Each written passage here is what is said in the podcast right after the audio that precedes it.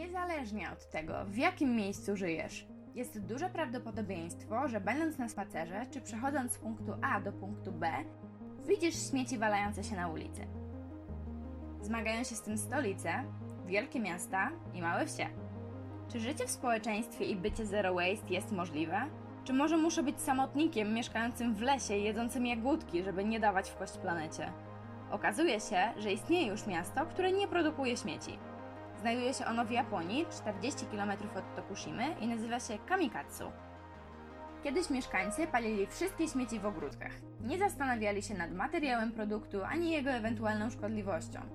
Wszystko zaczęło się w roku 1990, gdy przyroda wokół miasta zaczęła obumierać, a pola, które żywiły mieszkańców, przestawały dawać plony. Postanowiono wtedy, że trzeba coś z tym zrobić. Pierwszym krokiem było kupno kompostowników i przeprowadzenie ankiety wśród mieszkańców, aby zbadać ten problem. Dopiero 7 lat później, po opracowaniu całego planu miejskiego oraz wymienieniu kompostowników na nowe, elektryczne, wprowadzono pierwszą obowiązkową segregację śmieci. Obejmowała ona 9 podstawowych kategorii. Co roku zwiększano ilość kategorii, aż w 2016 osiągnęła ona zawrotną ilość 45 typów. Mieszkańcy w celu wyrzucenia śmieci muszą udać się do budynku Resource Center, który jest specjalnym miejscem przeznaczonym na segregację. W środku na mieszkańców od godziny 7.30 do 14.00 czekają pracownicy, którzy pomagają w segregacji. Jeśli ktoś nie ma możliwości dotrzeć do stacji, pracownicy dysponują także autem i dwa razy w miesiącu odbierają odpadki od tych osób, które potrzebują pomocy. Są to takie osoby jak przykład niepełnosprawni czy rodziny z małymi dziećmi. Pamiętajcie, że resztki kuchenne są kompostowane, więc śmieci odbierane raz na dwa tygodnie to papier, puszki czy butelki, które mogą na to poczekać. Kompost jest także odbierany od mieszkańców i pomaga on w uprawie na okolicznych polach. Na terenie miasta działa także Kuru Kuro Shop. Jest to miejsce, w którym można za darmo zostawić rzeczy, które są nam już zbędne i zabrać to, co jest dla nas potrzebne. Jeśli coś pozostaje w Kuru Kuru Shop dłużej niż rok, jest to przenoszone do Kurukuru Craft Center i upcyclingowane. Upcycling jest to przerabianie produktów na coś użytecznego o wyższej jakości.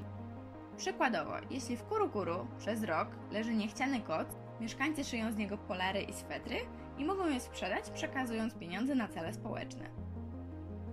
Zazwyczaj przekazują je do Zero Waste Academy, działającej także na terenie Kamikatsu.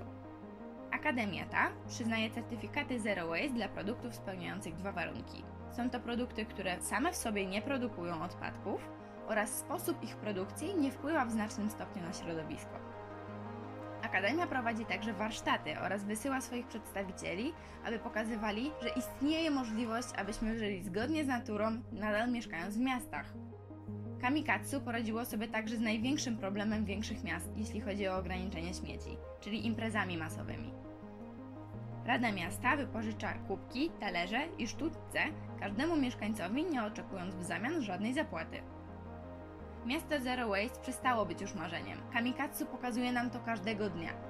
Dali radę dzięki temu, że ludzie działali razem. Dlatego pamiętaj, nie potrzebujemy kilku osób praktykujących Zero Waste perfekcyjnie.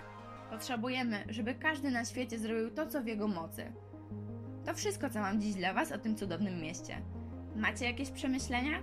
Może słyszeliście o czymś, co może pomóc nam w walce o naszą planetę? Pamiętaj, że niezależnie od tego, co robisz dla naszej planety, i tak jestem z Ciebie dumna i masz tak trzymać. Ja na razie się żegnam i do usłyszenia w następnym odcinku.